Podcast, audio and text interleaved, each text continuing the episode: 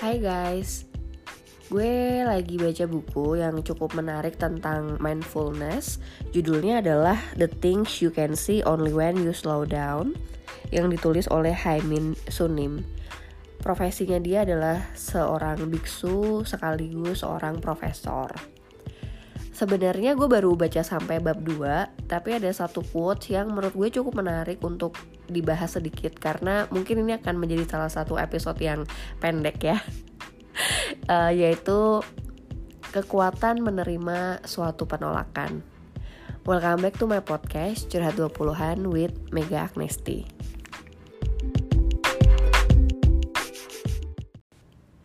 Gue akan bacain tulisan asli dari bukunya jadi ini tuh semacam quotes tapi nggak pendek, tapi nggak panjang juga. Jadi terdiri dari 8 baris.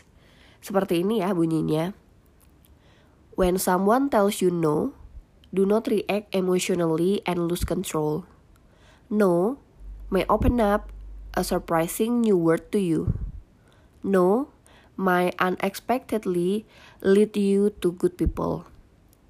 If you begin to push back against the unchangeable no, you will suffer in the process and miss other opportunities. Kalau kita selama ini tidak bisa menerima penolakan ya, karena kan kita diajarin untuk tidak mudah menyerah. Gue pengen mengambil dari dua contoh kasus dalam hidup gue.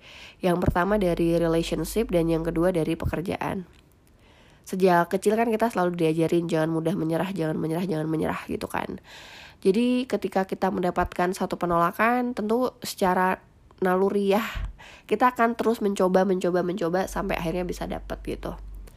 Tapi ternyata acceptance terhadap penolakan somehow itu akan membuat kita jadi lebih legowo. Apa ya legowo tuh kalau bahasa Indonesianya?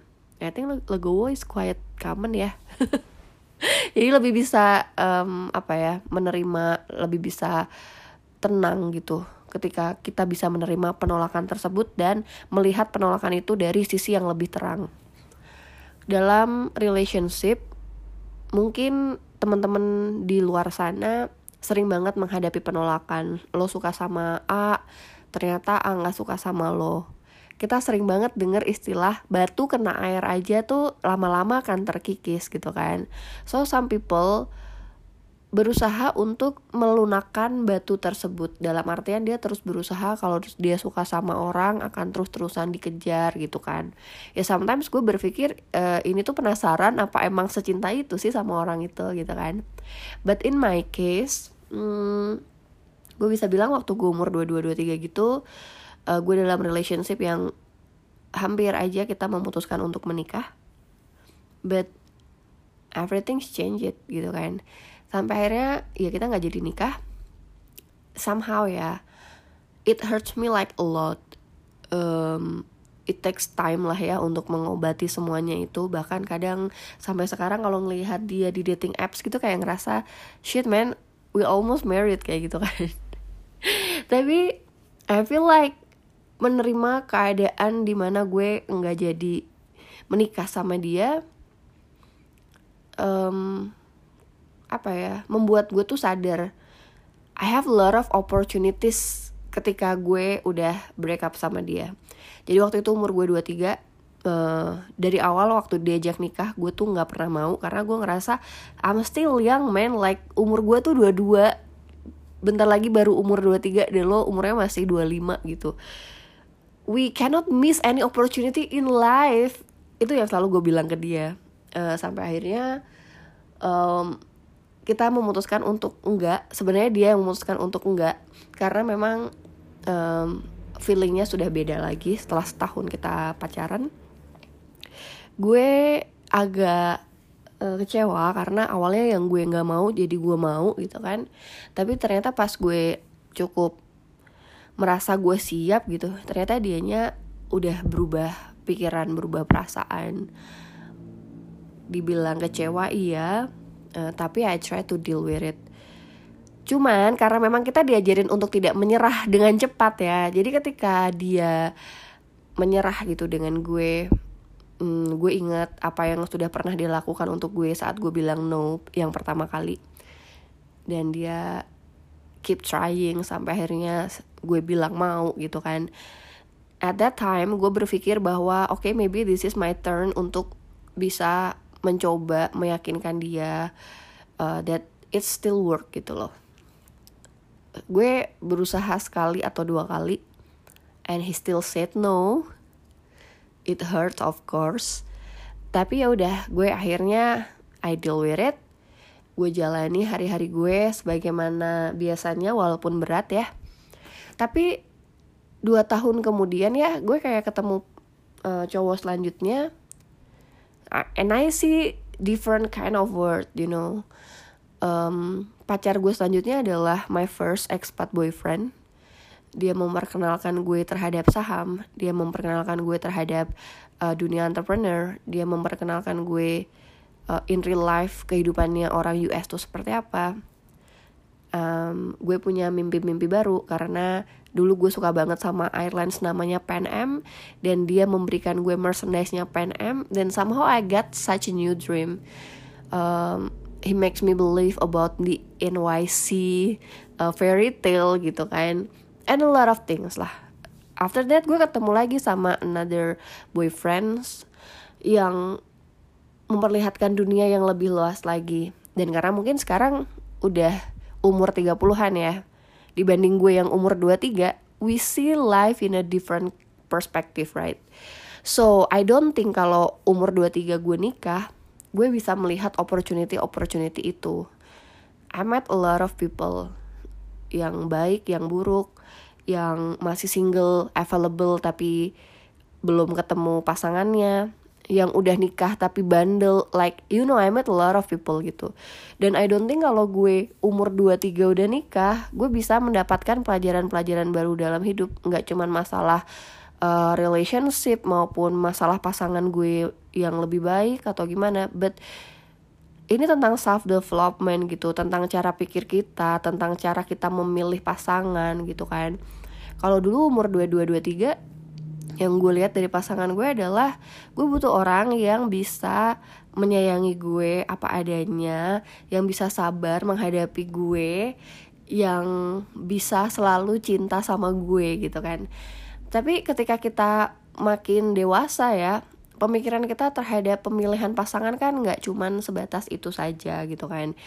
Uh, kita juga pengen punya pasangan yang komunikasinya baik sama kita kita pengen punya pasangan yang selalu bisa ngimbangin pemikiran kita kita maunya nyari pasangan yang dapet sparknya nggak hilang sparknya walaupun udah 3-5 tahun gitu kan. Dan gue bersyukur ketika umur 23 gue nggak jadi nikah um, ternyata not that bad gitu loh waktu gue umur 26, 27 gitu ya Kadang gue berpikir gila ya kalau waktu itu gue nikah mungkin kehidupan gue akan jauh lebih menarik gitu.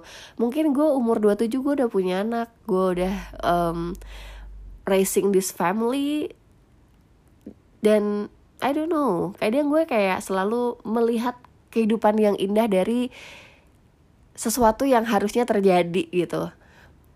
Tapi setelah gue melihat 7 8 tahun ini I feel like ya mungkin Tuhan kasih jalan lain gitu. Setidaknya pas terjadi penolakan, gue sudah berusaha yang menurut gue udah maksimal ya untuk untuk membuat dia percaya sama gue lagi. But it's not. He still said no. Tapi ya udah, gue melihat bright side. Kembali ke pernyataan yang gue baca di buku tersebut, no itu bisa mengarahkan kita ke opportunity lain. No itu bisa mengarahkan kita ke orang yang baik. Jadi gue merasa kalau memang gue belum berjodoh sama pacar gue di usia gue 2223 itu mungkin Tuhan udah mempersiapkan yang lebih baik lagi, yang lebih bisa memahami gue, yang lebih bisa tumbuh bersama gue, dan yang mungkin sparknya nggak akan hilang uh, berapa lama pun gue sama dia. Mungkin kalau relationship cerita gue itu aja guys. Karena memang yang bener-bener um, gue meyakinkan orang dan dapat penolakan tuh yang kayak gitu gitu. Tapi kalau kayak PDKT PDKT jalan-jalan-jalan terus tiba-tiba orangnya ngilang itu beda lagi ya. Itu yang kayak gitu-gitu nggak usah diperjuangkan. Kalau misalnya dia tiba-tiba ghosting kalau udahlah bye. I mean ya pernyataan tidak penolakan itu bisa ngelit lo ke orang yang lebih baik. Jadi kalau misalnya ini misalnya ini lo kayak baru jalan sama orang like baru tiga kali keluar, baru sebulanan, baru tiga bulan, tiba-tiba dia ghosting. Kalau udahlah itu mah nggak usah diperjuangin, tinggalin aja cari yang baru, oke? Okay? nah, yang kedua, kalau penolakan dalam bidang pekerjaan, Hmm, mungkin kalian tuh mikir gue ada di posisi ini dengan cara yang mudah. Salah. Gue selalu bilang ini di kelas-kelas uh, webinar online gue tentang karir. Kalau kalian merasa gue ada di posisi ini dengan cara yang mudah itu salah banget. Semua orang pasti sudah pernah melalui masa sulitnya. Semua orang pasti mengawali dari pemula gitu kan.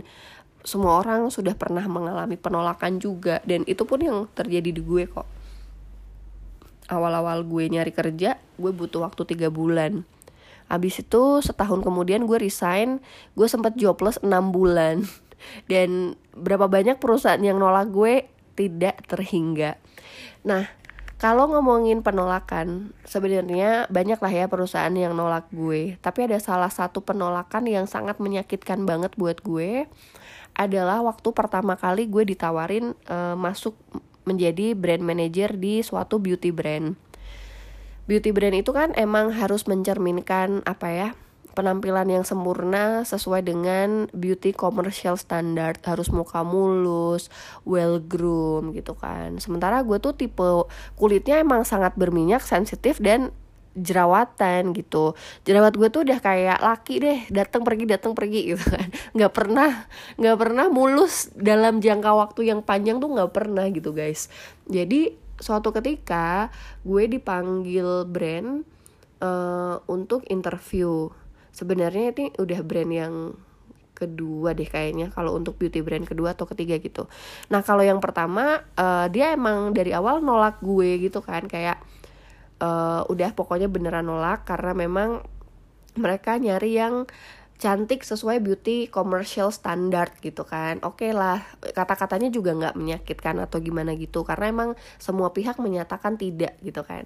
Nah kalau yang di brand kedua ini uh, udahlah gue yang di approach eh nggak nggak gue apply sih ini. Gue apply terus gue ketemu HRD-nya gue ketemu usernya kemudian usernya ini udah bilang oke okay, gitu kan Nah, entah kenapa setelah usernya bilang oke, okay, balik lagi nih ke HRD. HRD-nya tuh bilang gini ke gue. Mungkin sebenarnya pernyataannya enggak menyakitkan, tapi mungkin gue yang terlalu sensitif kali ya. Itu kayak ke bawah sampai ke hati, sampai gue tuh pulang interview tuh nangis. Jadi, usernya udah bilang oke okay kan karena menurut dia capability gue sebagai seorang brand manager tuh udah bagus gitu kan. Tapi tiba-tiba ya HRD manajernya tuh bilang gini ke gue guys Mega mohon maaf ya kita nggak bisa menerima Mega untuk posisi ini. Karena kamu kan nanti akan pegang beauty brand. Beauty brand itu kan akan ketemu prinsipal akan ketemu media akan ketemu klien akan ketemu banyak orang. Dan kamu adalah face of our brand karena judulnya brand manager. Menurut Mega seharusnya penampilan seorang brand manager tuh bagaimana sih? Untuk beauty brand. Ya gue udah tahu sih mengarah itu kan pertanyaan jebakan yang mengarah pada akhirnya gue mengiyakan bahwa seorang brand manager itu harus mulus mukanya gitu kan. Gue nggak menyalahkan dia sih. Memang mungkin kalau beauty brand yang sesuai dengan uh, commercial standar ya yaitu tadi harus mulus nggak boleh jerawatan well groom gitu kan. Sementara gue masalahnya jerawat aja. Nah pada akhirnya dia menolak gue guys karena dia merasa bahwa gue nggak representatif untuk brandnya dia. Karena kulit gue bermasalah gue berjerawat jadi untuk sementara ini gue nggak diterima. Uh, gue sempet nanya waktu itu ke dia bu what if gue ngilangin jerawat gue dalam jangka waktu satu bulan? I mean gue ngajuin resign satu bulan di kantor gue yang sekarang and then gue bergabung sama lo satu bulan lagi dalam keadaan muka mulus. And you know what? She said like no still no kita butuh orang yang sesuai dengan beauty commercial standard right now. And I was like oke okay, ya udah. Gue pergi gue kayak berterima kasih atas interviewnya and everything. Terus gue pergi gue pulang uh, driver taksi yang nganterin gue berangkat dia nungguin gue. Terus pulang kan dianterin sama driver yang sama gitu terus dia nanya mbak kenapa nangis? gitu kan. Terus gue ceritain betapa um, menyakitkannya kalimat yang diucapkan oleh ibu HRD ini gitu loh. Terus kayak bapaknya ya berusaha menghibur gue gitu kan. Cuman gue kayak ngerasa sakit hati banget gitu dengan pernyataan itu. Um, ketika gue apa ya menerima penolakan itu dengan lapang dada pada akhirnya gue kayak bisa melihat the bright side. Oke okay, mungkin Tuhan gak kasih gue pekerjaan ini karena satu lokasinya dia di ujung dunia banget yang beauty brand harusnya di kawasan bisnis yang elit yang bersih gitu kan guys. Dia tuh kantornya kayak jauh banget gitu. Udah gitu di antara pangkalan truk kan. Terus udah gitu hari Sabtu masuk. Biasanya kan kalau head office ya hanya Senin sampai Jumat. Ini Sabtu tuh masuk gitu kan. Jadi gue merasa bahwa oh mungkin memang Tuhan itu nggak kasih gue pekerjaan ini karena satu lokasinya nggak nggak strategis banget sama tempat tinggal gue. Dan yang kedua kayak weekend gue disuruh masuk. So oke okay lah. Gue menerima penolakan ini dengan lapang dada walaupun emang kalimatnya tetap menyakitkan sampai sekarang gitu kan. Cuman akhirnya gue kayak lihat bright side-nya ya. Waktu itu kan gue dari uh, konvensional marketing artinya belum menggunakan digital waktu ditawarin posisi brand manager itu artinya gue lebih develop diri gue di bidang brand management. Nah, ternyata ketika gue nggak lolos di posisi itu, di pekerjaan selanjutnya, untuk pertama kalinya gue megang digital marketing and e-commerce. Semenjak gue pegang brand itu, semenjak gue ada di posisi digital marketing and e-commerce, karir gue tuh melejit banget guys. Terus gue sering mengisi beberapa seminar gitu ya oleh yang diadakan oleh uh, event organizernya tuh kayak Facebook, WhatsApp, Instagram gitu kan. Dengan international audience gue kayak merasa kalau gue misalnya kerja sebagai brand manager di tempat yang pertama tadi belum tentu gue dapat kesempatan seperti ini. Belum tentu karir gue bisa langsung tumbuh secepat ini gitu loh. Sehingga ya udah sekarang tuh gue nggak pernah menyesali apa pun tentang kejadian di hari itu gue merasa bener banget nih bahwa penolakan kalau kita bisa menerimanya dengan lapang dada itu pada akhirnya bisa mengarahkan kita ke hal-hal yang lebih positif, ke hal yang lebih baik. Jadi kalau sekarang ya beberapa kali gue dapet DM di Instagram dan juga pertanyaan-pertanyaan waktu gue ngadain kelas online tentang karir gitu. Kak gimana sih cara meng, me, apa ya memotivasi diri untuk nggak jatuh terlalu dalam saat kita ditolak uh, ditolak kerja di suatu perusahaan yang kita impikan gitu? Just get over it.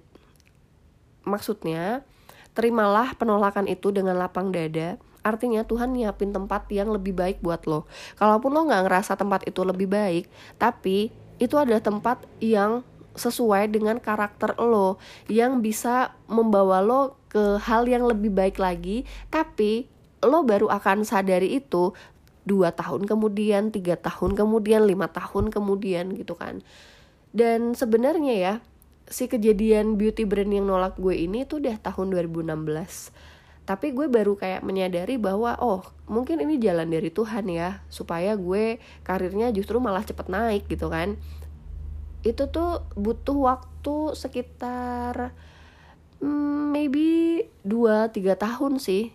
Gue kayak ngelihat lagi ke belakang kalau misalnya gue keterima di brand tersebut mungkin jalan karir gue akan beda akan berbeda banget dengan yang sekarang gitu kan. That's why gue sangat bersyukur dan penolakan itu beneran guys kalau satu pintu nggak terbuka buat lo pasti ada pintu lain yang lebih terbuka kalau saat ini lo sedang merasakan ditolak kerja di um, PHK oleh kantor, jangan menangisi itu terlalu lama. Boleh sedih, boleh menerima semua feeling yang berkecamuk dalam diri lo sekarang, marah, sedih, kecewa.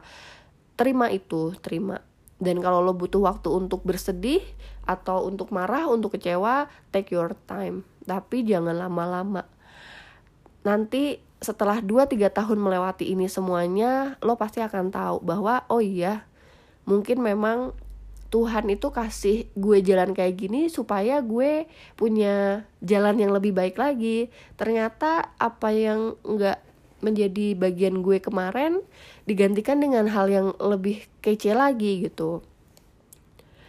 Penting banget untuk kita menerima penolakan karena ketika kita sudah tidak bisa lagi merubah penolakan itu keputusan yang dibuat pihak lain untuk kita yang ada kita malah suffering kita akan ngerasa kesakitan kalau terus memaksakan diri untuk uh, menjalani apa yang tidak ditakdirkan untuk kita. Seperti itu sih pikiran gue mengenai uh, menerima penolakan gitu kan.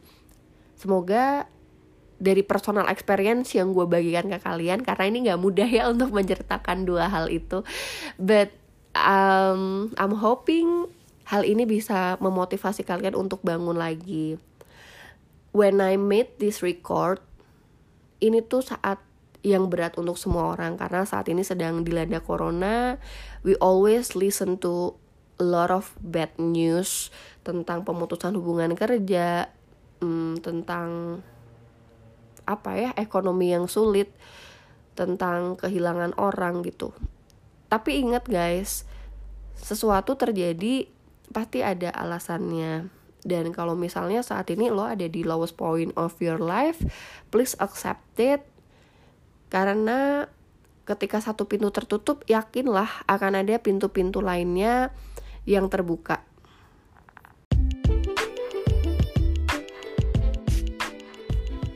Untuk menutup episode kali ini, gue pengen ngasih another quotes yang terkait dengan penolakan. Sebenarnya ini lagu dari Katy Perry yang judulnya Fireworks. Ada lirik yang berbunyi seperti ini. Maybe the reason why all the doors are closed so you could open one that lead you to the perfect road jadi perlu kalian sadari kalau satu pintu ditutup, kalau lo ditolak sama satu pihak, masih ada pintu-pintu lain yang bisa jadi ngebawa lo ke jalan yang lebih baik, yang bisa jadi membawa lo ke arah yang lebih sempurna. Jadi, kalau ada yang ditolak, do not give up karena masih ada pintu-pintu lainnya yang belum lo buka.